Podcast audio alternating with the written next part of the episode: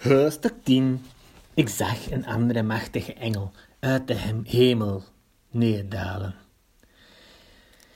Een wolk omhulde hem en de regenboog was om zijn hoofd. Zijn gezicht was als de zon en zijn benen waren als zuilen van vuur. Hij hield een kleine boekrol geopend in zijn hand. Hij zette zijn rechtervoet op de zee en zijn linkervoet op het land. Zij riep met een luide stem, zoals een leeuw brult, en daarna lieten ze de zeven donderslagen van hun stem horen.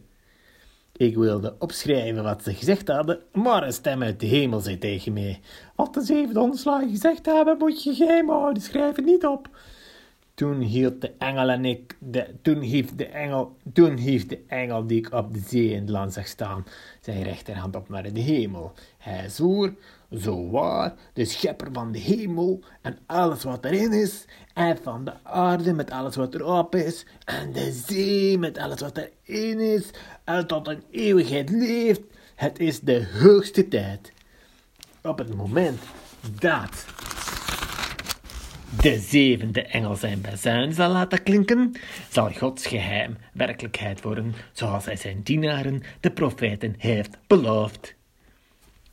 Toen hoorde ik opnieuw de stem uit de hemel.